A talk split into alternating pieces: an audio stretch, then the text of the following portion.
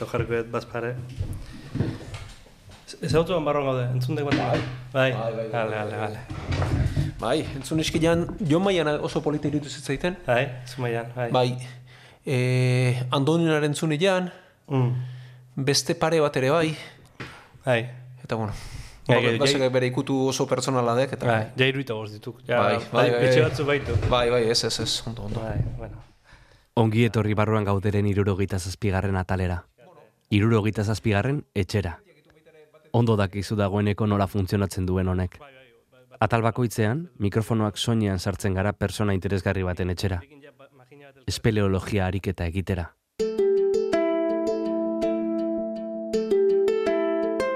Pandemia garaian, goizeko bosterdik aldian edo esnatzen nintzen, buruei bueltak hasi eta korrikaite joten nintzen. E, Behin onginan kontatzen bakoitzak zean bez gaizto zituen eta saltzen zaizkigo. Dano dauzkau gure mamuak motxilan. Mediku danak eta pazientekin lan egiten dunak mamuak dauzka motxilan. Atal honetan ezagutuko dugun persona, medikua da, eta bersolaria. Eta Donostiako ospitaleko zaintza intentsiboetako unitateko burua. Pandemiari hortzetara begiratu zion, osakidetzako langiletako bat. Eta dano dauzkau kasu batzuk ez dakigunak nola hildian. Eta hildianak. Ez? Eta badakigu e, oiek horri izango ditugula eta tarteka tarteka mamuak bizituko zaizkigula. Hori badakigu.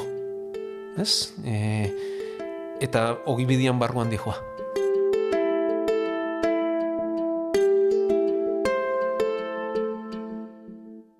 Oier arantzabal naiz, eta hau, barruan gaude da.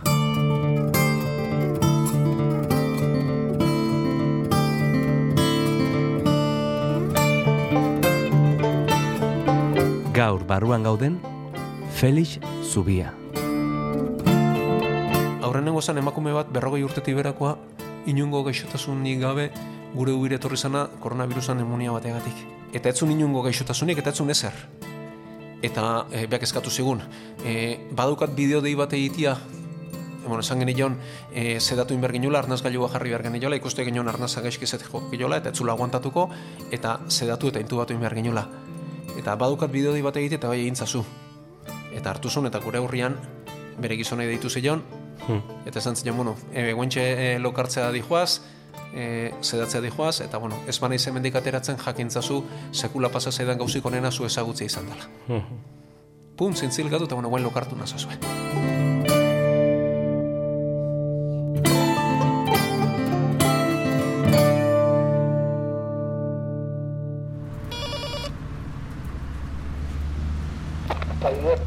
Bai,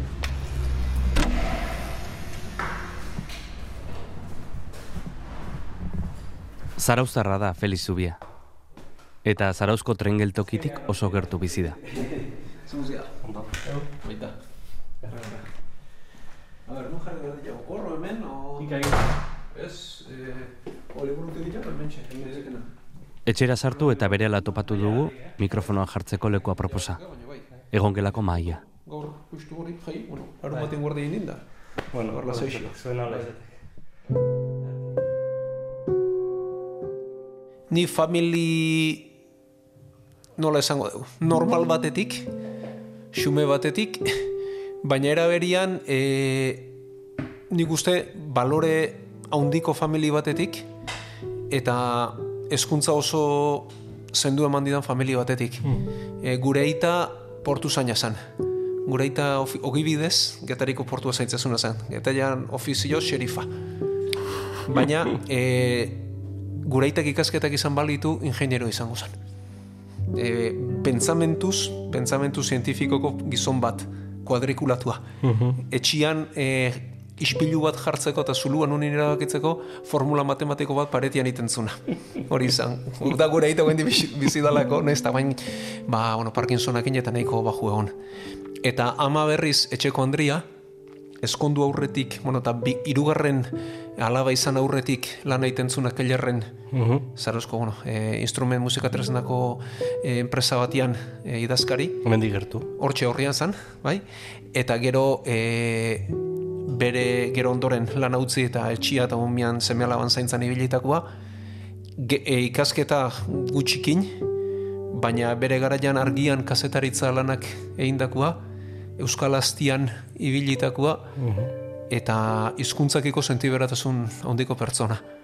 Ordan nundik datorren ma hortik, hortik, bai. Hola te izi ere zientifikoa. Bai, aitaren aldetik e, gu hiru semea, bueno, hiru semela hiru senidegea, hirurak zentzilari e, diferente. Hmm. Arrebasarren ingenieria da, e, parke eolikotan espezialista eta arreba gaztena kimikaria. E, kimika organikoan eta molekulen sintesian esperi, e, bai, e, espezialista, eta ni tartian. Eta izpilu bat jarri behar badek etxean, e, formula matematikoa itentek. Nik ez, nik ez, guraita zerretzen badare. guraita gaina esateu, e, badu esaldi bat guraitak, e, inorkesti galdetuko, hau iten zen bat denboa pasaeken, baizik eta gaizkin ezko hau zeinekin du. Orduan oso oso perfekzionista, eh? E, gauza guztitan, eta, bueno, ni igual pixkaz alde hortan zabarragoa. Ze ezin da perfekzionistagoa izan gure eta baina. Hmm. Baina ere perfekzionista itxura daukak. Baiz, ba naiz, ba naiz. Bakarrik muga horietan jo ez. Ni perfekzionista naiz. Hmm. E, eta jendiak ez dakiz zer pentsatuko du, baina urdurila ere bai. Hmm. Baina gauzak gaizkin dekoak ezin ditut eraman. Ez hori, uf, gogorrek gian eretzat.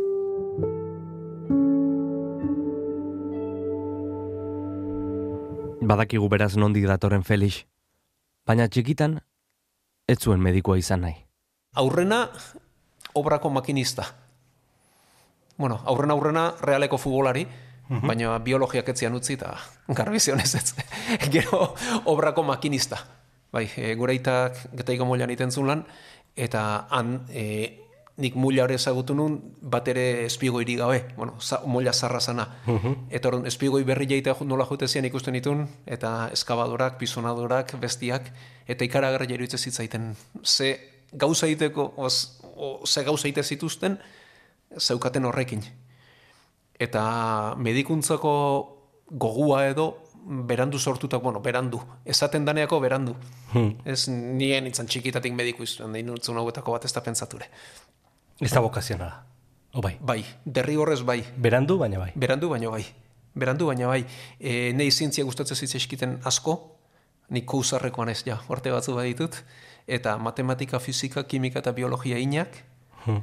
geologia ezintzalako bestela bosgarrenare ingo nuke, eta nik garbi nukan e, zientzietako zerbait egin nahi nula, eta zientziak e, eiteko edo ateratzeko, bide bat bilatzen eta gero bueno eraberian e, zergatik ez beste batzui lagundu medikuntzan eta hola erabakia 18 urte bete baino lentxiago.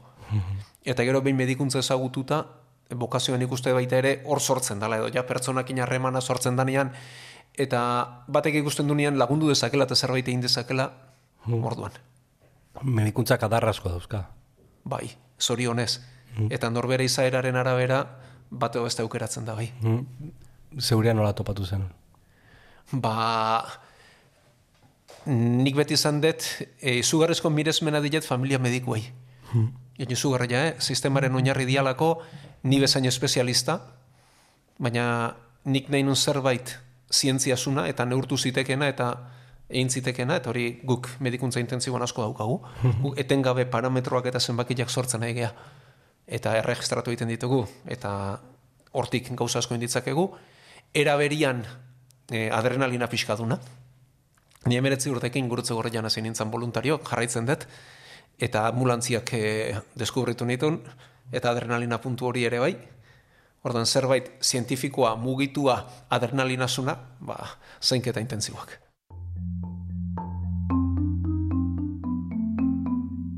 E, guk esatu du bi mundu daudela ospitale batian lan egin eta besteak kalian lan egin. Eta kalian lan egitea beti da, esate du, ba, inguru arrotz batian edo inguru desatzegin batian lan egitea. Baina badu horrek ere bere adrenalina puntua edo baduka bere bai e, engantxe puntu ere, bada, baliabide gutxikin hartu lan egin egon kortu eta horre egon bai. Gure garaian soldaduzka zeon. E, soldaduzka garaian insumizo asko ere bai e, neun neurez insumizo ingo nintzen e, ejerzituari, baina gu genukan zigorra zan, ezen ginula oposaketa publiko batera aurkeztu urrengo ez dakit hogeita bostu edo hogeita marrorte zian. Eta oposaketa publikoan barruan zeon mediku espezialista izatearena. Hmm. Orduan gauza zen, ezingo nula, insumizo deklaratu ezkero, ezingo nula medikuntzako espezialitate bat egin urrengo goita urtian. Hori gehitxo izan da, baina lehen gurutze gorrean nien gonez, nik ojezio egin nun, amairu hilabetez gau bat bai bestia ez. Karrera, bosgarren maila ikasten nun bitartian. Eta hor, e, ikasi nun, kalian ibiltzen, baliabide gutxikin lan egiten, baina baita ere e, eriotzak ezagutzen, hmm. jendiari laguntzen posak eramaten ere bai, erditze bat ere izan ginen, hor bat jaio zitzaigun ambulantzian, zarautzen autopistako peajean ere. E, azkenian, eskola hori denak gero, e, beste inguru batera eramaterako beti hor dago bai.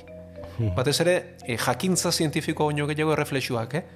Oda, nola aurre nolako gora batei, nola ez urduritu, nola eraman, bai.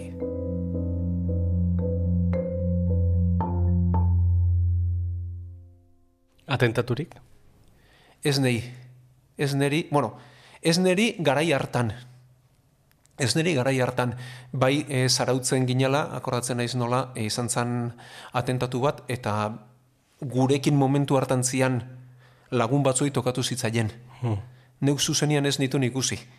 E, bai gerora, e, behin hospitalian lanian hasita, akordatzen naiz donostiko ez dakit ze auzotan, tren geltoki baten aurrian e, bomba bajarri zutela, eta bi trenea zijoazten bilangile harrapatu zituen bombark, eta gurutzetako erretako unitatean aukera ikizan ez, eta gurenak harri zuten, eta guztiz erretako gizon bat, nola sedatuta, e, intubatuta, nola hartatu behar izan ginen horitzai baina Eta baitere, e, bosgarren hori ja aurre hoxiokoa da, eta pixka balen txego izan zan Miguel Ángel Blanco historia. Mm. Miguel Ángel Blanco historia gertatu zanean ikarrerako bosgarren maila neon, eta ermuara junteko eskatu ziguten ambulantziakin bazpa ere, ba, antzan jende pilan artean zerbait gertatzen zan, ez? Orduan, e, giro ura bizitzia tokatu izan zitzaidan, eta handola izan zian ere bai. Eta argazki osatu behar baldin bada, torturatuak ere bai. Danak ikustea tokatu zait. Zan ez hori nekez azten dela, ez? Bai.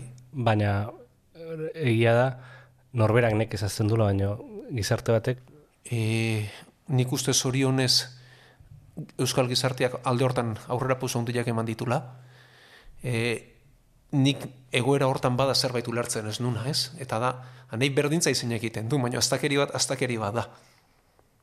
Ez? Eta aztakeria jasotzen duna biktima da, eta egiten duna, bajarra itzazkegu, amar mila adjetibo, eta honik ez. Neuriak egiten badute, ona da, ez dauka logikaik. Ez? eta bestia, eta zendian eriak, nik ez detolako izan nahi, nire taldian, ez? Ni, ez naho inorren alde, nik ez detolako nahi, ez? Eta zorionez, hori onartzea lortu dugu, naiz eta asko kostazan, ez? Eta askotan, e, esatetzen baina bestiare bada, bai bestiare bada, baina gaizki dauna gaizki dao, ez bestiai begiratu, ez? Mhm. Eta dinamik hori puzkatzea bai, eta gero, e, gustatuko litzaidak hori jende gaztiak ere goguan izatia ezagutzia eta zer dan hori, ez? e, azkenian e, nik arrazoi politiko, baina eskotan ez da, behin kurpil hori martxan jarrita hori politika da. Ez? Hori zer da? Ez? Arrazoi politiko batzungatik behin olako kurpil zoro bat martxan jartzen danean horrek ze ondore jo ditu, ez? Hori ez, kontatu beharra daukagu, e, errelatuaren garaian gaudela edo igual hori ere aztu zaigu ja, ez? Guendal urte batzuk errelatuaren garaian geunden, biharko ditu errelatuak, biharko dia olako kontaerak ere, baina nik uste hori zintzotasunez kontatu behar dela, ez? Eta zintzotasunez kontatu behar dela da zenbat hildako, ez numerikoki, baizik eta zenbat pertsona, zenbat bizitza, zenbat e, etendako bizitza izan dian, ez? Hmm. Da eriotzak trivializatzen, ez? E, zenbaki bihurtzen. Bai, bai, numerizatzea hori da azkenian, ez? Despersonalizatzea eta numerizatzea, ez?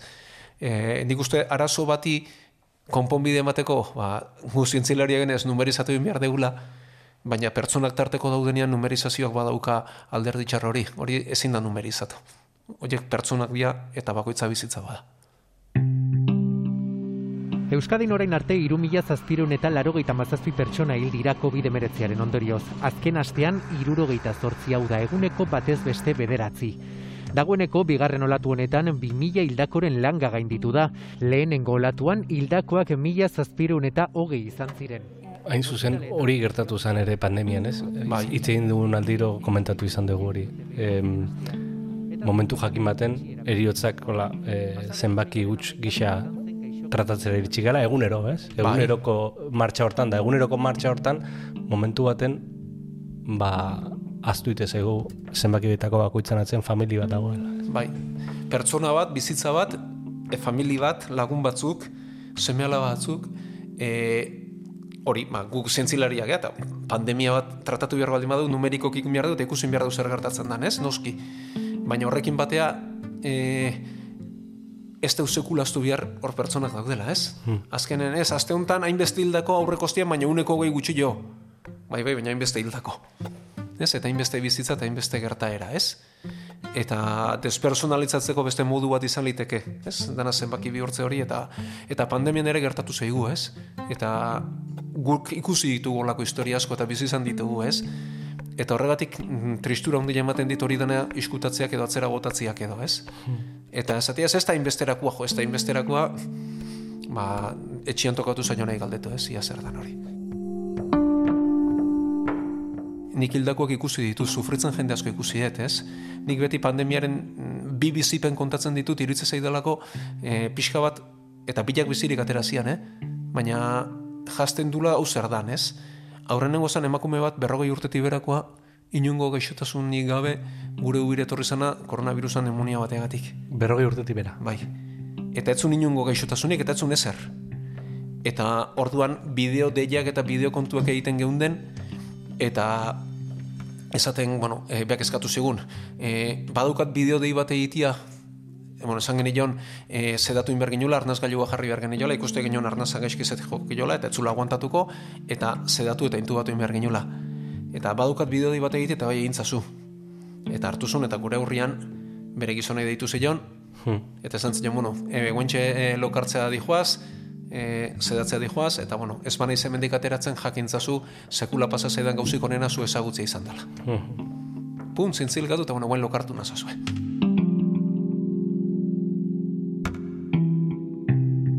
Eta bestia, e, behar badagaina ez da hain zuzena, baina da gizonezko bat ekarri ziguten e, jaiotze zego Amerikarra eskualdeko ospital batetik. Ez dakit nondik, sumarragatik edo mendarotik edo etorri zan, ja sedatua intubatu eta nik berekin hitzaiteik ez nun izan.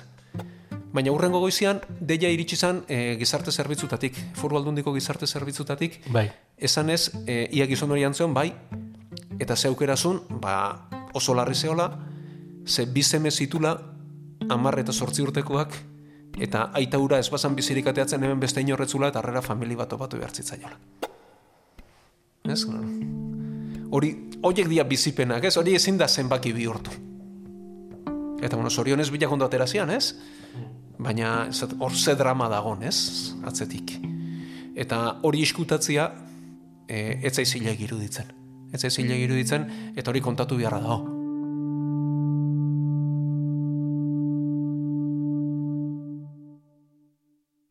Gordintasunez komunikatu behar zan, e, pandemia.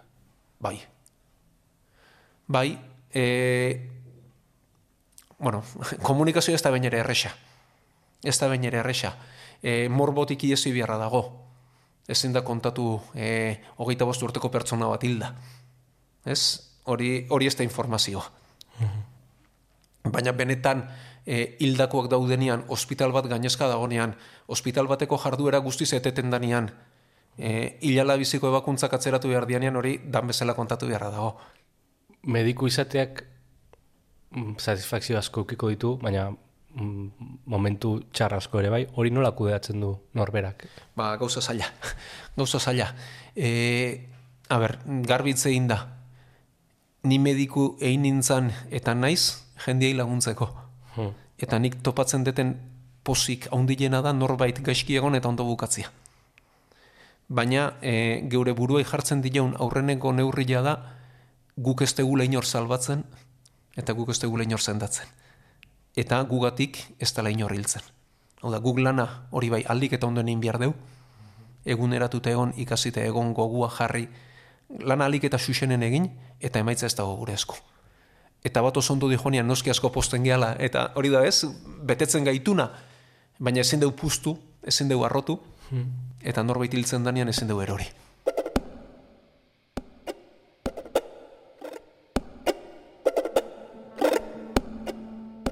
dano dauzkau gure mamuak motxilan. Mediku danak eta pazienteakin lan egiten dunak mamua dauzka motxilan. Eta dano dauzkau kasu batzuk ez dakigunak nola hildian. Eta hildianak. Ez? Eta badakigu e, oiek horri izango ditugula eta tarteka tarteka mamuak bizituko zaizkigula. Hori badakigu. Ez? E, eta hogi bidian barruan dihoa. Baina hori ikustetik e, egoera guztiz e, dramatiko bat bizitzera eta faktore milaka batea ez, lertzea eta ikustea batez ere niretzak gogorrena zan, etzan hastian zei, zei egunez lan haiti, horin deu. Zan galdetzea eta bilar gaixo gehiago baldin badatoz nun sartuko ditu. Hori, hori zan deure buru egiten egon galdera, ez? Gure zioak berrogeita sortzio ditu. Irurogeita meiru gaixokin egon geha. Egun berian eta momentu batian. E, bestelako ospitaleko soleiruak ziu bihurtu ditugu.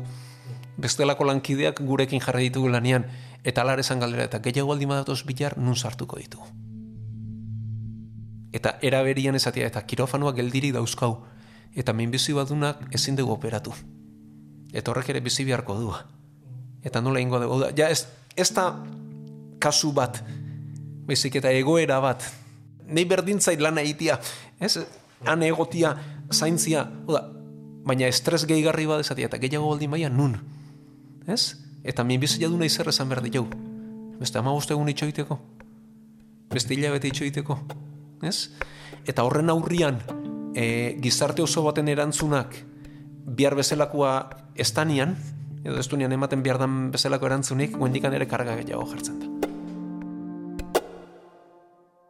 Nola iten dezu loiteko? E, truk hori bakazu? ez. e, ni zorionez, e, lo gutxiko izan ez beti, eta lo gutxi indazko aguntatzen. Orduan, esango dugu hori ere e, espezialitatea aukeratzeko garaian, igual hor da hola, eta lo gutxikin beti ondo moldatu izan naiz. E, ala ere ni pandemia garaian, goizeko bosterdik aldian edo esnatzen nintzen, buruei bueltak hasi eta korrikaitea joten nintzen.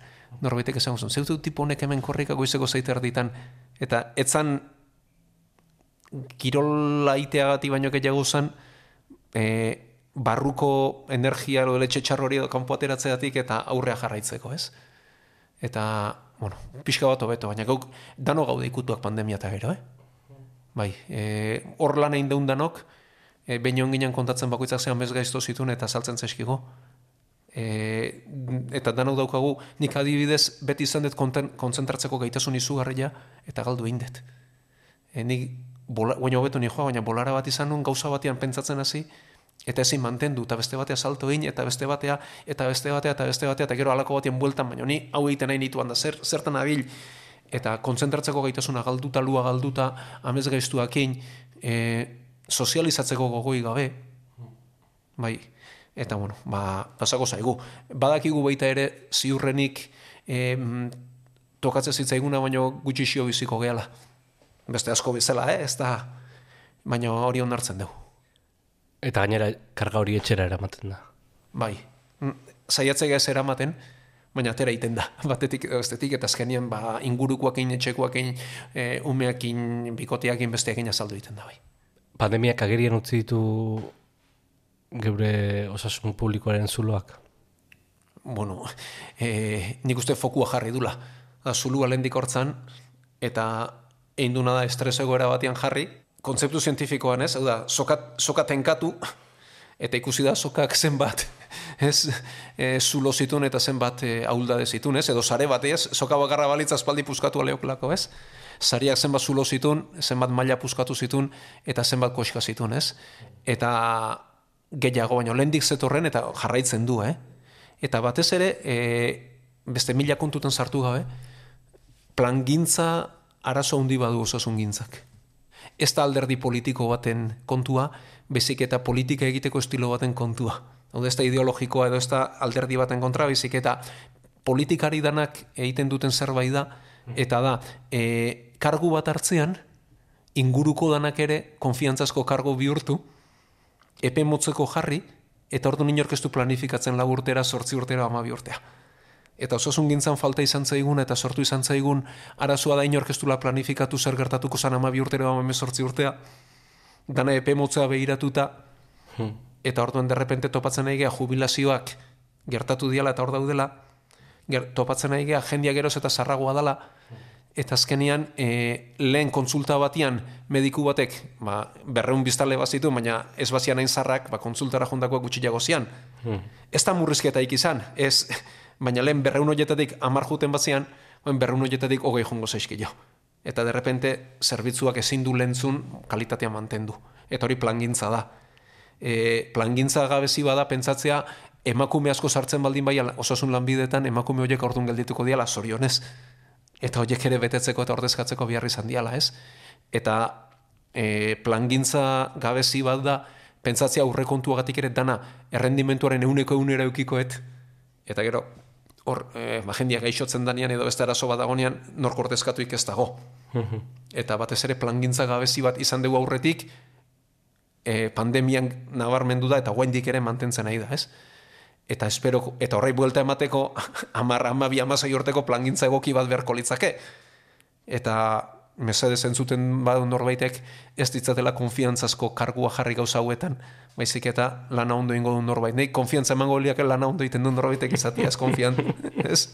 Baina ez dakit eh hortarako pres gauden. Asko itziten da e, lehen mailako harretaren bai. e, kalitateren jaitxieraz, e, orain zintzazio ematen du, nahi zintzazio personala da, eh?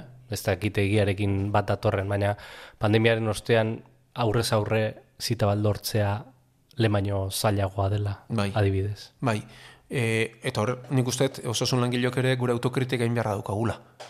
Oda, e, pandemian eta zira batean, ba, ez genekin zertzan, e, gero babes ekipo iketzeon eta kezka sortzen zu, baina hor denbora gehiagi eongea pazienteak aurrez aurre ikusi gabe eta gabe. Ez gu, eh, justu, baina e, osasun sistema orokorrean hartuta, eta hori ez da zilegi. Telemedikuntza ezin da egin. Hori galetu behar nizun. Ezin da egin. Pantailaren bitartez, telefonoaren bitartez, kalitatez hartatu da? Ez, ez. Ez. Nik euskadi irratian irratza joiten detela, nik generikoki erantzuten dut, ez sekula kasu bat. Hmm. Nei galdetu ezkio, Felix, zer da diabetesa? Diabetesa hau da, zer gertatzen da? Bai, uneko hainbeste kalako. Felix, niri zer gertatuko zaitez? Etorri konsultara, ezin dugu irrati zein. Zerrati da garrantzitsua aurrez aurre eukitzea pazientea? Ba, pertsona horri galdera gehiago iteko lehenik eta bain. E, pertsona horren azterketa fiziko bat egiteko gaitasuna izateko bere baldintzak ezagutzeko, baina aparte, pertsona ezagutzeko, pertsona horren konfiantza irabazteko, jakiteko benetan tratamentua beteko duen ala ez, zer di joak ion egokiago, zer ez. Da, medikuntza gizakia bezain zarra da, eta medikuntza gizakien arteko elkarrera, elkarrera gile, edo elkarrera gintzan boten moduan ere deskribatu genezake. Eta elkarrera hori gabe ezin da medikuntza egin eta hori ez badeu egiten gaizki gabiltza, ez, ez, ez da kalitatezko medikuntza bat. Hmm. Aurrez aurre informazio asko dago, ez? Bai, baina gaina informazio bat askotan ez da nahi ere, eta ez da behar da konstientea ere. Hmm. Baina ni badakit benetan arduratuta daunala ez, behiratuakin, gorputzaren jarrerakin, nola hartzen detenarekin, badakit pertsona horrek benetan zenbateraino serio hartu duen ala ez duen serio hartu bere gaitza, edo serio jogi, ez, e, zerk ardura dion, e, bigarren mailako zerk eragiten dion. Ez? Bihar bada pertsona bat datorkizu zen bai, e, eta diagnostikatu diozu kolesterol altua. Baina momentu hortan bere alaba oso gaixo dauka. Aztu kolesterolaz. Momentu hortan egiten desun denak ez du balioko, baina zen berko jozu alabara konpontzen danean etortzeko eta kolesterolaz arduratzeko, ez? Eta hori ezin da egin beste batea. Eta hori egin beharra daukagu, ez? Eta e, eh, lemailako harretan zulo danak geroz eta gehiago nabarmentzen nahi dira, baina lehendik zehon, eh? E, bada hor talde bat osatzen izena duna lemailako harretako medikuta erizainak eta osatua, eta hauek pandemia aurretik ere alarma deia jo zuten. Baina bihar bada ez zegoen foku mediatiko ere hor jarria eta hola xegu baz.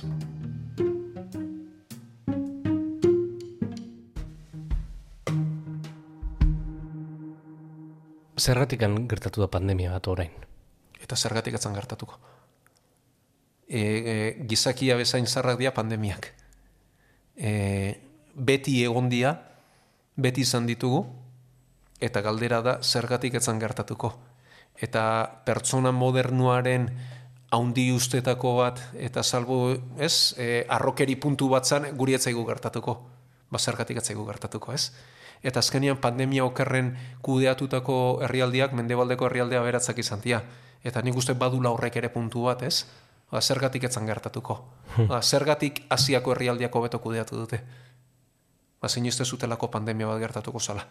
Eta hori gertatzen da hasierako neurritatik, neurriak betetzera e, bide guzti batien eramatea, ez? Hau da, e, emezor, azken pandemia undila mila bederatzen hon emezortziko gripea zen. Nire birramonak pasazuen. Bai. bai, gure birraito nahi hiltzan, emezortziko gripea egin. E, gure amona aitei gabe gelditu zen, amonak zei urte zitula. Eta birramonaren etxea, birramonaren bazarrira joan behar izan zuten, aite hiltzitzailelako. Eta bederatzi urtekin neskan merten behar izan zuen, aite hiltzitzailelako. Ez da inurrutiko kontua, eh? gure amona zain naiz. Egun urte. Egun urte. Baina niretzat hiru belaunaldi. Ez? Eta astu intzaigu eta zergatik etzan gertatuko. Ez? E, pandemiak beti izan dira eta beti gertatuko dira. Eta hortaz aparte ingurun naturaletara eskua sartzen jarraitzen badu erresago gertatuko dira. Jendean mugik hortasuna haundila baldin bada erresago gertatuko dira. Ton zergatik etzan gertatuko. Ez? Hori da galdera. Edo zerk pentsatze, pentsatu arazte zigun, ez zitzaigula gertatuko. Berriz gertatuko da. Bai. Gertatuko da. Espero nik ordurako jubilazio gotea bestela. Ez nez. Horek espero nik illa egotia ordurako. Baina e, gertatuko zaizkigu. Gizakiakin batea dihoazten zerbait dialako. Baina baita ere inguru horiek e, puskatuz baldin badi joaz, ba. E, tarte usten baiako histori bat kontatzeko pandemian historia? Dudi gabe. Historia politetako bat. E, bueno, polita, munduaren funtzionamentu ezagut e, erakusten digun zerbait. E, koronavirus honek bazitun bi lenguzu. Bueno, anai bat eta lenguzu bat. Anai bat e, txinan bertan gertatu zen. Horren, hau, COVID da, COVID bat izan zalako. Ah, vale. Horren, bazan koronavirus bat oso hilkorra eta txinan gertatu zen. Eta gero, badu lenguzu bat MERS izenekoa, hau gamelutatik gizakitara pasat, hau arabian gertatu zen eta koronavirusak izan zitezkela pentsatuik e, arrisku potentziala handi bat, estatu batutako talde batek, ikerlari talde batek eskatu zuen diru laguntza iru milioi dolar txertuak garatzeko. Baina buru argi batek pentsatu zuen hori etzala lehentasun bat eta etzizkilean iru milioi dolar eman.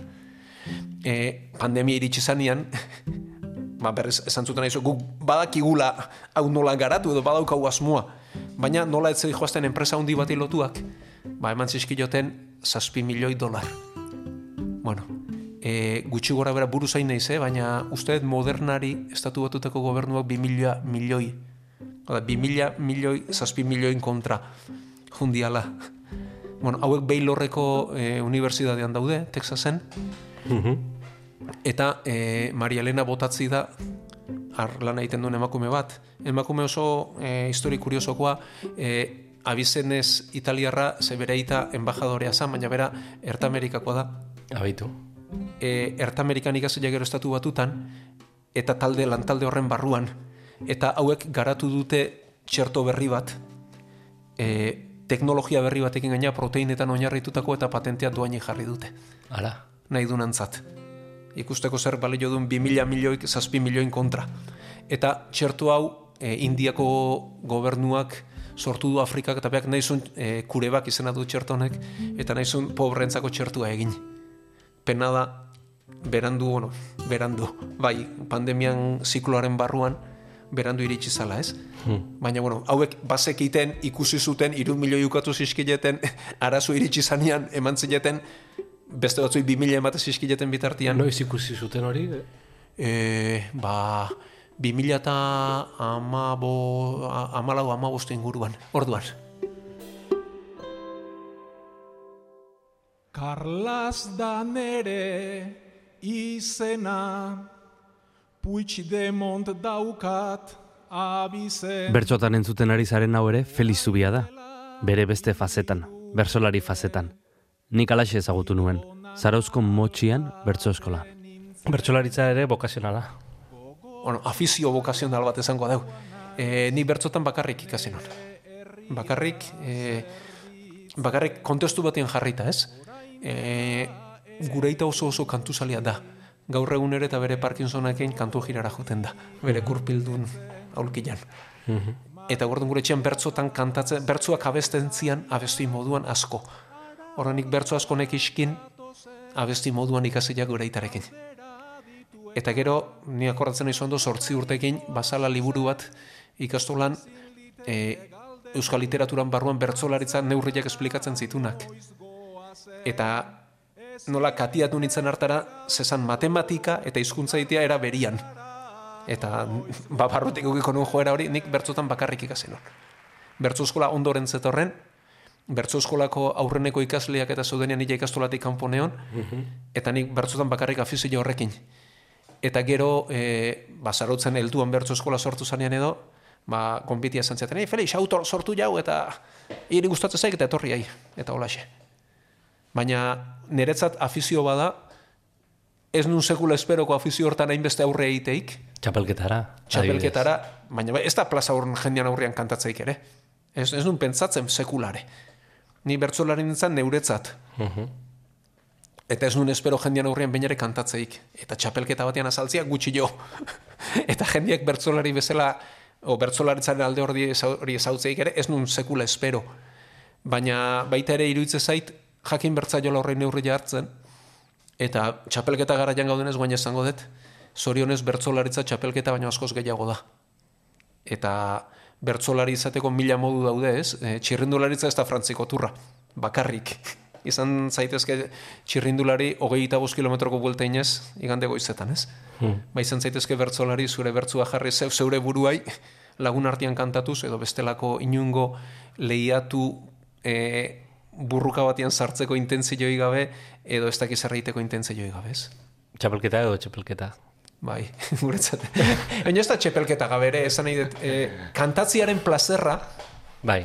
ez? Sortzearen plazerra, e, bada sentsazio bat izugarri polita, eta da, puzle baten piezak izan, lerrokatu eta puzlea koinziditzen dunean.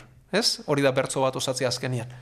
Eta ideia bat izan, ideia horre forma hartzen badu, oina josti eta bertso goiti bera baldin badator, osatzearen prozesu hori, sormen prozesu hori zoragarria da. Eta hori da nire estresan kontrako ba, bidetako bat. Ez? Eta hori ez da sekula galdu nahi.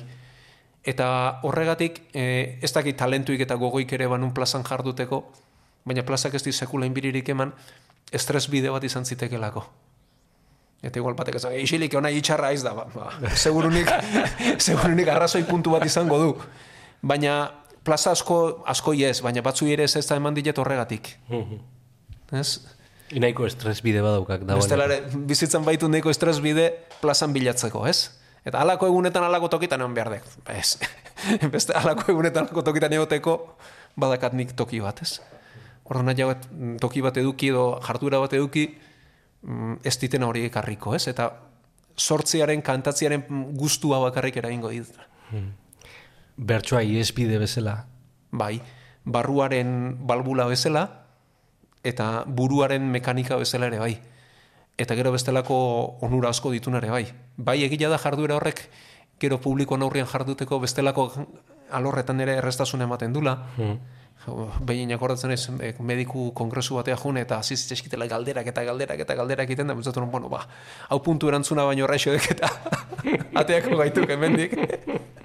Eta atea ginen, ez? Olako gauzetarako bai, e, mikro batek pi iten baldin badu ba, jakin hori zer dan, ez da zurduri jartzen horregatik, baitu bestelako ikasbideak, ez? Baina batez ere e, buruarentzat iesbide bezala eta balbula bezala, bai. Orain noiz topatzen daik bertxotarako tartea. Ba, gutxi xamar, ze gaina, bueno, e, beste histori bateatik eta besteatik eta, bueno, orten pena daukat, eh? Mantxi ibili da txapelketan daguzirako eta gutxi laguntzeko aukera izan dut, bueno, nahi baino gutxi jo, batzutan bildu gea, baina bildu izan, eh, aldanian eta bestean, eta bestelan neure buruakin. Goendik ere guz, asko gustatzen zaiten ariketa bada, ideia bat esaldi bat entzun, da, bueno, hau, nola gertatuko litzake amar sortzen zazpi zein, zein hobeto, aurretik saiatu beste puntu pare batekin lotzen, eta hone bertso batean ze zeukiko luke. Ariketa hori beste gabe, eta neure buruei kantatu. Divulgazioa da beste gaietako bat. Bai, E, bereziki, bueno, e, divulgazioan jarduntzea beti da nik Bai. ez, baina bereziki pandemia garaian. Tokatu Eh, ze- pandemiak horre ere fokua jarri dugu, baina gu divulgazio egiten aspalditik geunden. Bai, Bai. aspalditik Euskadi Irratian, Bai, e, l- tokatzen dan tokitan. Baina Euskadi Irratian adibidez lauretan Babel saioan hasi ginen. Ez Susana Mujikakin. E, 2011an esango nuke edo. Eta ez, lehenago, 2011an eten zan, 2009an edo uste eta ziginala. Eta osasunetxean 2013an zerreti da garrantzitsua divulgazioa. kultura dalako. E, espadu jendiak ulertzen zertan nahi gean, gaizki aigea. E, derrigorrez, oda, ezagutza bat norberarena bakarrik danean gaizki. Ezagutza bat elite batena danean okerrago. Eta ezagutza espada zabaltzen eta ezagutza hori espada ulertzen gaizki aigea. Eta batez ere, nik uste gai guztitan, eh? berdin du zertaz aigean. Eta batez ere medikuntzan, e, gaitzan sorburuan norbearen bizimodua danean, hori azaltu beharra dagola. Ze, bestela ez da ulertzen zergatik, ez?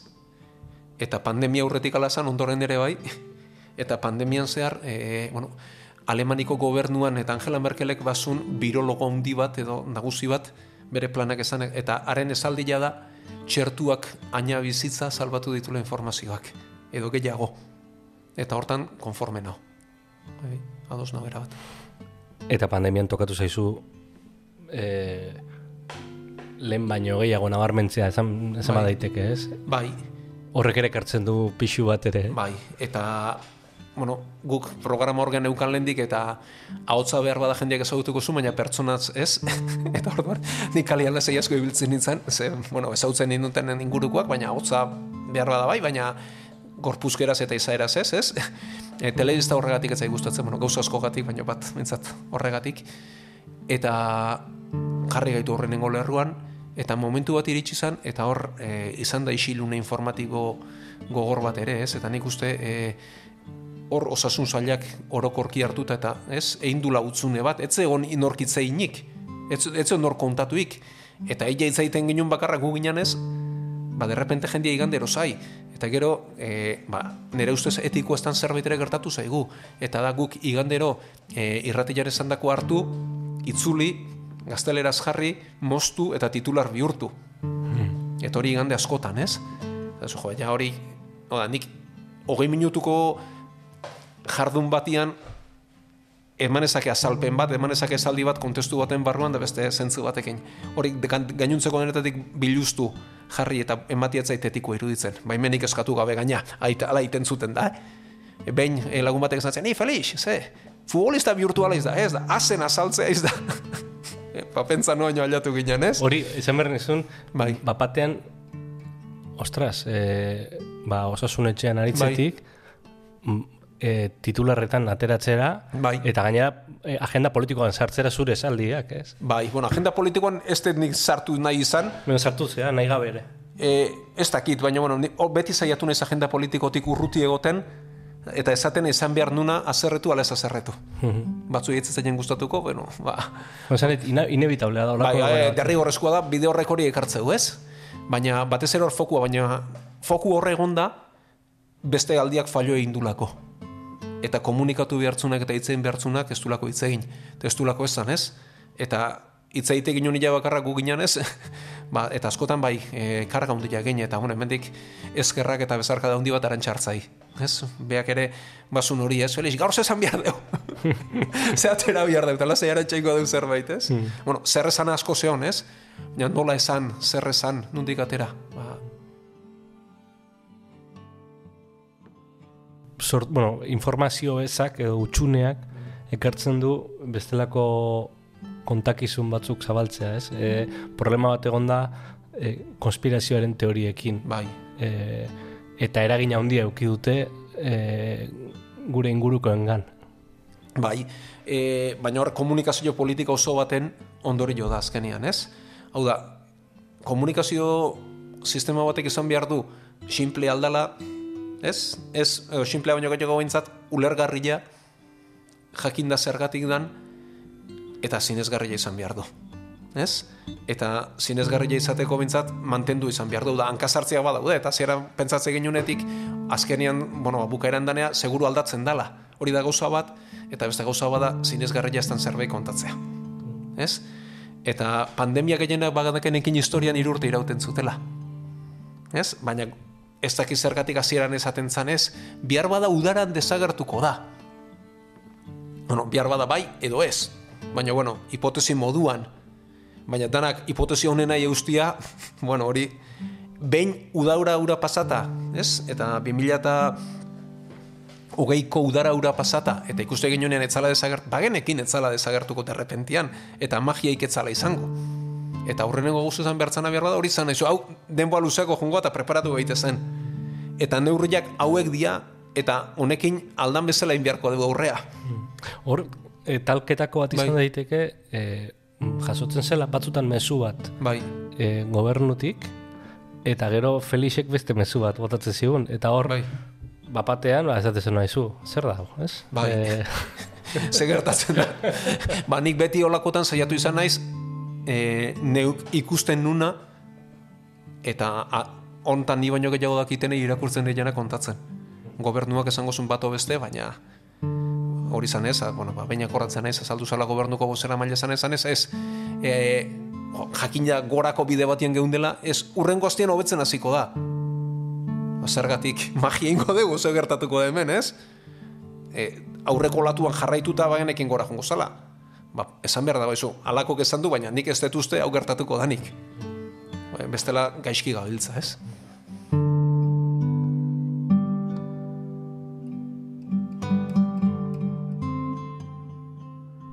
Bit, hau kadak ez dek. E, kadak ez dek, nos, Katalunia noski, Bai. seguro ezagutuko du jendiak. Toki oso kurioso bat, ze horrea juteko bidea ikaragarri txarra dek, eta aldamenen zeu Cap de Creus. Ez? Aha. Eta, bueno, ba, kuadro hau oparitu ziguten eskondu gintuanean, honik antria katalana deiatelako. Ah, Ez? Eta, bueno, argazki bat zeukat hemen aurrian gubilo jarrita. abitu. Elkarreko jat argazkia. Ale. Elkarrezketa egiten genuen bitartean, hormatik kuadro eder bat izan dugu begira. Kadakez agertzen da bertan. Eta une batez, egongelaren alboan dagoen gelara joan gara, bulegora, argazki bat ikustera. piano txikila. Librontzako leku gutxi. e, bueno, ipuñak, Bai. Baina, bueno, ba, e, lantoki izatetik eta jarduera seriotik ama bihurtuan umian ipuñak kontatzeko toki bat beak kantatu, ibili, eh? bai, ibiltzaituanak. Realeko Eta, bueno, kamisetakin, Bai, bai, baina, bueno, behitu, eh, medikuz Bai. jantzita kirofano aurrian haudek justu erreala bigarren mailan zeonian. Bai. Eta ilotzeko, eta primeran reala ilotzeko, eta bueno, ba, ekipuei bultzada emateko, Mhm. eta bueno, ba, e, egunkari batetik eskatu zitzen argazkia, eta gero argazkia oparitu zitzen, eta hemen txesiok. Futbolzalea iz. Oso. Realzalea. Ni- Bai, bi gauza diferente, eh? Nei, nei futbola gustatzen zaitek, eta gero realekoa nauk. Bi gauza diferente, baina, bueno. Bai, futbola eh, mundu kapitalista eta eh, kasuntan nazka emateko puntuan ziok. Baina, kirol bezala ikaragarri politadek. Amaika amaikan kontrako baloi mugimendu bat ikaragarri politadek. Playeroten jardun. Bai, ibili gaitu urte asko, urte asko, eh, apasta baino txarroz, arautzen ez de, de bezala, baina, bueno, Bueno, divertido. baina oso ondo pasatzekoak, eta bai, bai, bai. Arrazia bertzen. Bueno, hemen txasiok argazkia, Haudek, e, kuadroako leku. kuadroko toki bea, kadak ezen, bilok, bueno, ba, ba, elkarrekin ateatzen hasi eta bestia eta Katalunian zehar bidei bat ingenian, eta argazki hau ingenian, eta, bueno, hemen txe bilok, ba, urte asko. damakik katalana. Molbe. Molbe? Molbek, ka probleman parla. Ah, bai? Nik isketan bai, bueno, e, derrai horrezko hizkuntza, bueno, e, Susana eta bilok elkarrekin ateatzen hasi, eta konturatu gintuan bitako inor gazteleraz ez gintuela oso ondo moldatzen. da orduan, euskera ikasi? Ba, eta ni katalanez. Eta orduan etxian bilak eh, naztu zeituk. Herrita dana katalanez ite eta orduan az, oso azkarrik hasi dilat katalanez. ez, baina idazten etzek ilat. Ez. Ez, e, gaina, idazkera zaila zeukak, eta Bai. baina hitz egiten bai. Bueno. Eta, bueno, ni Katalunian izaten aukenetan beti katalanez iteziatek, ikasi dilat. earra. Eta, bueno, Earra, ez Bai. deka izaila. ez, ez, ez, erraz ikasteak. Eh? Borondatia dunak ikasten dira. Eta euskera ere ez, eh? Euskera zaila dela hori Ez, teke zaila beste gauza batzu ditu, baina kaldian saltzen ibiltzen Asko hitz egiten da zerbitzu publikoen gainbeheraz. Pentsioez, adibidez. Eta osasun gintzaz. Baldu etorkizunik gure osasun publikoak. Espadu zaintzen eroriko da, eta danon artean zaindu berreko zerbait iruditzen zait, baina osasungintza publikoik espada ez da gizarte justizioik izango. Garbi hitz egin da. Hau da, munduan daun herrialdia beratzen asegurunik Ameriketako estatu batuak izango da, eta Amerikako estatu batuak daukan e, osasun sistema dementziala da. Dementziala da eta gizarte justiziaren kontrakoa da. Hori nahi baldin badegu, e, aurrenengua kontra erteten ni eta eredu hori baldin bada eta hori kontatu nahi baldin badigute favorez garbi esan dezatela ze kontra ateratzeko mugimendu handi bat egin beharra dago. E, Amerikako estatu batutan dirurik estuna tratamenturik gabiltzen da. Garbitze egin da. Hau da, badago e, ongizatezko edo osasun gintza bat, ba, apendizitiz baduna apendizitetik operatzeko. Ez? Edo kolpe bajaso duna arrei hartat ematen zaio. Baina minbizi bat baldin badu, minbizia diagnostikatu eta diruik ez badu, pertsona horrei etzaio horretarik ematen eta minbizi horrekin hiltzen da. Hau da, aberatzen zat, goi mailako medikuntza bat, eta pobreak hiltzen. Eta hori da. Eta eredu hori hor dago. Eta han medikuak ere, e, bon, farmazeutika galde batetik, Bai. baina medikuen ere lobby ikaragarria da. Lobi ikaragarri bada, baina seguruekin, hau da, e, pixka bat kokatzeko, han lanbide batia edo lanpostu batean zua zenian, eskaintza izuen lan baldintzan aurrian da, bueno, alako ordutegi, alako soldata eta alako medikua seguru. Hori, ordainketan barruan dijua. Eta gora dijuan neurrian, aseguru hobia. Eta horiek e, mediku aberatzak dia, gure aldian dirutzak irabazten dituztenak, baina nik hori ez nuke nahi oso garbi daukat baitu. E, gure intentzibotako unitatean egun bat pasatzeak mila eta sortzereun euro balio ditu. Baituko pazienteak hogeita hamar egun pasatzen dituztenak. Ziuan bakarrik gehi ospitaleko egonaldi jaua, bota laro gita mila euro. Nik pozik gastatzen ditut nire zergak eta sekula erabiliez. Baina hori hola espaldin bada, hau da, ez pentsa osasun pribatua eusteik dagonik maila hortan.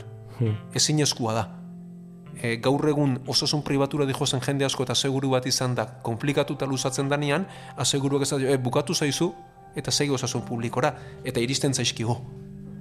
Orduan, osasun publiko unibertsal bat, danantzat berdina dana eta danan artean mantendua altxor bat da. Hezkuntza publikoa dan bezala, eta beste gizarte zerbitzu asko dian bezala. Eta hori ez badeu zaintzen edo ez badeu mimatzen, ez da gizarte justiziaik izango. Ze iritzi dezu e, osasun publikoa eta osasun publikoan eta osasun pribatuan lan egitea bateragarri izatea. E, bi alderdiak ezagutu ditutela, baten erabat kontra eta bestiak ba, zer remedio besteik ez du nantzat.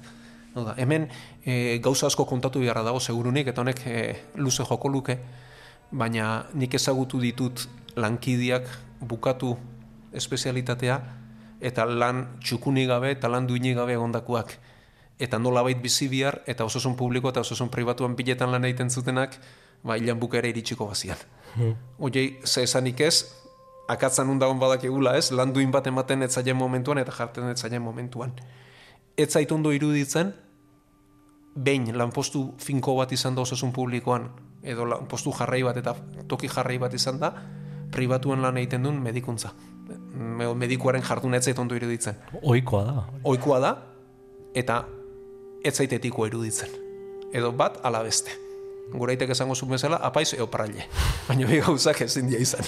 E, ezin ez, hau da, zergatik, ba, azkenean, interes burruka sortzen dialako eta jendeak gaizki pentsatuko dulako. Gutxienez gaizki pentsatu. Kasu, gertuko kasu bat zautzen dut, bueno, kasu batzuk, eh? Bai. baina e, eta paradogikoa da, baina Bai. e, osasun publikora jo, Bai, sekulako zerrendan Bai, sartu, pribatuan Bai. segituan hartatu Bai. eta mediku bera. bai, bai, bai, bai, bai. Baina ez hori bakarrik, hau da, geho, e, galdera guztiz zilegizkoa da. E, pertsona horrek badu interesik publikoan itxaron zerrenda laburrak izateko edo ez? Ze hor interes burruka badago zuzenian. Eta guendik eta gogorrago iruditzen zaiten eta badia, osasun publikoan zerbitzu burudanak ezingo luke pribatuan jarduera bat eduki. Zenik nire zerbitzu antolatu behar badet. Hau da, oinarrezko medikoana gogorra da. Baina gaina ardura postu bat izan.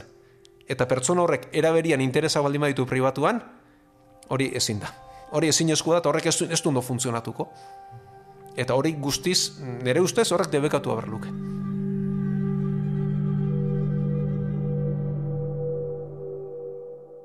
Mediku batzuk elkarrizketatzeko aukera izan dugu barruan gauden. Tartean, Roberto Sánchez anestesista. Osakidetzako oposizioetako trampa salatu zuen medikuetako bat. Opeetako trampa, ez? E, ho- Bai. Hori Ezaguna zan, Bai, zuen artean. bai. Bai, baina e, osakidetza, bueno, osasun sistema guztia, eh? Espainiko osasun sistema guztia sistema erdi feudal bat zan. Garbi, e, bazian zerbitzu buruak eta zerbitzu buru horiek eiten zuten nahi zutena. Eta bazenekin zerbitzu buru batek nahi basun pertsona bat izan nela ez izatia berekin, beak erabakitzen zuna zein bai eta zein ez. Hori hola zan eta hori danok ezagutu izan deu. Eta sistema horren barruan, bueno, zeukana zan nolabiteko oda, talde txuak ziala eta bentsat e, sistema feudala zen baino txiki talde txotan. Oda, talde txo batian ez bazinan sartzen, beste talde txo batian sartuko zeinan edo abituko zeinan, ez? E, baina hori hola da. Baina horrek basun oraindik ere alderdi okerrago bat, eta hau da, hori ezin da ulertu behinbeinekotasun izugarri bat gabe, hau da, euneko berrogeita bosteko behinbeinekotasun batekin, ez? Eta sistema oinarritu da urte askuan, jende asko ziurgabetasunean edukitziaz, osasun langileak etxean edukitziaz, eta behar detenean deituko izut. Hau da, hola funtzionatu izan du. Eta bai medikuak eta bai erizainak, eta nik uste hor, e, izan dela tratu txar sistematiko bat, baina sistemaren oinarria hori zan. Hau da, eta udara iristian, ba, oporretako hauek nola hor dauden, ba, hauek hartuko ditugu, eta azkena iritsitakoai lan gehiago jarri, eta gauza hori jarri, eta oposaketak, nik e, akordatzen ez aurrenengoa azaldu nintzanean, Felix, bueno, nahi ikasi ikasi zak, baina hau ez zaik tokatzen. Ah, bale.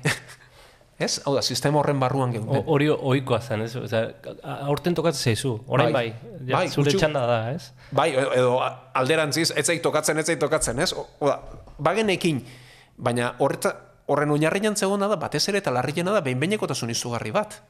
Hau da, horrek funtzionatu dezan, derri horrezkoa da jendea behinbeinekoan asko eduketzea, bestela bajuna jaizi hartzea, ez? Beste nunbait izango et eta zerbait, ez? Da, ko- oposaketak deitu izan dira oso oso bakanak. Eta jende, behinbeinekotasuna momentu hontan osakidetzan eta Europatik atentzeioa ditu dion arte, bueno, osakidetzan eta Espainia estatu guztian. Euneko berrogeita bostekoa da. Ez da inun ezagutzen. Edo zein enpresetan ilegala dana, administrazio publikoan eta batez ere osasun gintzan onartu da. Hori zan oinarria, eta gero horren barruan zegon, ah, bueno, eta guain, karamelua da honian, eta toki batzutan aintzinatasun biologikoa onartzen zan meritu bezala, eta bueno, bazarrena, urrengoa, urrengoa, urrengoa, eta bat tokatuko zaizu, eta ja beste batzutan, azpikei asko zaunte jagoa sartze zian, ba, nik nahi deten nahi bai, bestia iez, alako ibai, alako izez. Eta batean ezagutzea eman da.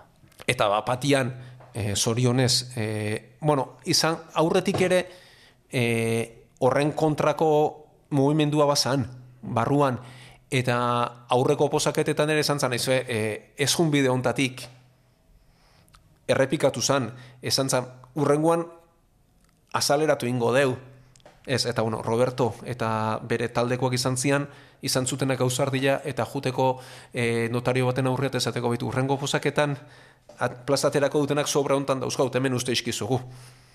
Ez? Iriki irakurri itxi eta hemen uste iskizugu. Eta eunetik eun asmatu zituzten, ez? Eta bueno, bortu ikan etorri da beste kontu guztia. Eta erantzuleak topatzen saiatu da jendea, ez? E, Bai. Nor da honen erantzule? E, badia erantzule zuzenak, oposaketa hori egin zutenak eta hor trampak egin zituztenak, baina nik uste badala erantzule da sistema oso bat, onartu duna inbeste urtetan, behinbeinekotasun maila hori, onartu duna inbeste urtetan, ez? E, sistema hori, onartu duna sistem, e, urte askotan azkena tontuena izatea, onartu duna kaka gaztia jandezala, hau da, dinamika oso bada, ez? Eta ziurrenik horren aurrean isiligatu geanak ere bai, edo kurpil hortan jungeanak ere bai, ez? Ba, erantzule zuzena noski aurrenengo momentuan oposaketa hori eindunak eta trampa eindunak, baina erantzulkizuna zabalagoa da, ez? Eta sistema horren barruan. Baina pentsa berrez diote, Europatik etorri behar izan dute esatea, behinbeinekotasun hori ez dela onargarria eta favorez murrizteko. Ze bestela sistemak berdin jarraituko zuen, ez? Eta hor gaude ia hori nola murriztuko dan, eh? Baina momentuz behintzat berdin jarraitzen dugu. Zer kezkatzen zaitu hain, Felix? Ba, gauza askok, gauza askok. Baina batez ere, bueno, bizeme ala ditut. amar urte eta bestea behatzi leisterren behar ditu, eta kezkatzen hau zen mundu utzi behar dileun, e, kezkatzen hau, bueno, alde batetik aldaketa klimatikoak eta horre dakarren guzti horrek eta ez da egula zer joartzen, ez? Horrere laburrean pentsatzen. Epe laburrean pentsatzen eta motzian pentsatzen eta e, bizi, bizi estilo baten ondorioa da, ez? Orduan pentsatzea gauza jakin batek, baina benetan prez gaude gure bizi estiloa ere bat aldatzeko, ez? Hor, e, hortaz asko itzin izan dugu barruan gauden, ez? E, e, Jose Ramon Etxebarriak bai. zatezun, Nuria López Gereñuk ere aipatu zidan. Um, ezin degula azte, aztearen logika yes. tumore, tumore bat bai, bezala. bai, bai, logika hortan funtzionatzen ezin dugula jarretu baino. Ematen du ez dugula. Aldaketak ezin dugula gu handik hasi ez? E, baina gu handik oda, nik ontaz galdetu izan diot dakin bati edo ustez dakin bati ez? Eta haiek beti ematea diaten erantzuna da eske, zu, Felix banaka ezin da. Noski norbanakotik hasi berko dula baina banaka ezin da. Gizarte eredu oso bat aldatu behar da eta eredu ekonomiko oso bat aldatu behar da, eta bestela ez, ez, ez du funtzionatuko honek, ez? Baina horrek asko kezkatzen hau. Baina abisua, oda, zer gertatu behar du gehiago benetan sinisteko, ez? Da, zarautzen uren mailak etxia bete behar dizkigu. Zordo ja berandu izango da, ez? Ha, izan ditugun azken udarak ikusi eta zenbat jende hiltzen nahi beruak, ez? Horrek kezkatzen hau. Eta gero bestalde batetik kezkatzen hau e, gizarte eredu hain individualistak. Asko kezkatzen hau bizikak gure buruei begira, gure txilborrei begira etengabian, e, dana da hortara bideratua, e, dana da kontsumua, dana da e, izan zaitezu e, guaren kontzeptuak geroz eta urrutago daukagu, ez? E, gizarte justiziaz benetan hitz egiten da. E, politikoan bullak entzute ditut, baina benetan gizarte justiziaz hitz egin behar dugu edo ez, ez? Ze garbi dago banaka ez gehala ezer izango. Eta geroz eta gizarte individualistagoa ikusten dut. Geroz eta gure buruei begira ez, e, banakakoak eta mm, iruditzen zait, mm, e, zare sozialak ez eskit bat ere gustatzen, baina neurri handi baten horta dago dijoala ez. Nik askotan pentsatzen, jende, ze importa zailo ni nune hona izan den argazki bat zertako? Honek ez du ezer balio, ez? Eta sinistu alazta egute horrek asko balio dula. Horrek asko balio du, zertarako balio du horrek, ez? Benetan, gizarte ereduaz pentsatu beharko dugu. Eta nik uste lotua dijo zen bi gauzak diala, ez? Hau da, e, enbateu ez dagoela modan, ez? Komunismoa bukatu zen, ez? Sozialismo ez dakiko nun gelditu dan, baina gizarte justiziak hor jarraitzen du, ez? Edo premiak hor jarraituko du. Eta hortaz ez badau egiten gaizki jongo, gea. Ez dakit, e, soluzioik badaukagun. E, bueno, ez dakit, behar badagoen tokatzen zaigun e, munduaren zikloaren barruan ere, ziklo eskorrian gaude, ez? E, pandemia bat pasa dugu, gerra baten barruan, e, kuriosua da, eh? gerrak beste tokitan dianean ez gaitu kezkatzen, baina Europan gertatzen danian bai. ez? Eta batez ere, gerra horrek eh, nire gasolina garestitzen badu, ba, gehiago kezkatzen hau. Baina ziklo eskorrian gaude ez. Baina mm, iruipena bada bintzat, ez? Aldaketa bide gurutze batien gaudela, ez dakigula nola guazen, ez? Eta batez ere, ez dakigula bide hona zein dan ere, ez? Hmm. Baina, bueno, e, olakotan txinatar zarrak esaten zuten gauzak e, ziur gabe dianen oinarritara bueltatzeko. Eta gauza sinpleenan aztertzen azteko, ez? Eta behar bada gara hortan gaude. Hori izango da elkarzeta bazken puntua. Hmm, ba, eskerrik asko. Eskerrik asko, Felix. Bai.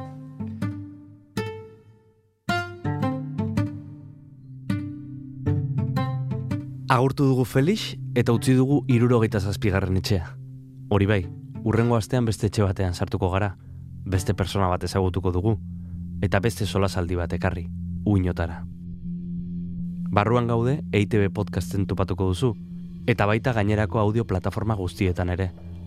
Oraindik egin ez baduzu, arpidetu zaitez, eta asko eskertuko dizugu lagun artean, zein etxaien artean, zabaltzen baldin baduzu. Besterik ez, agur.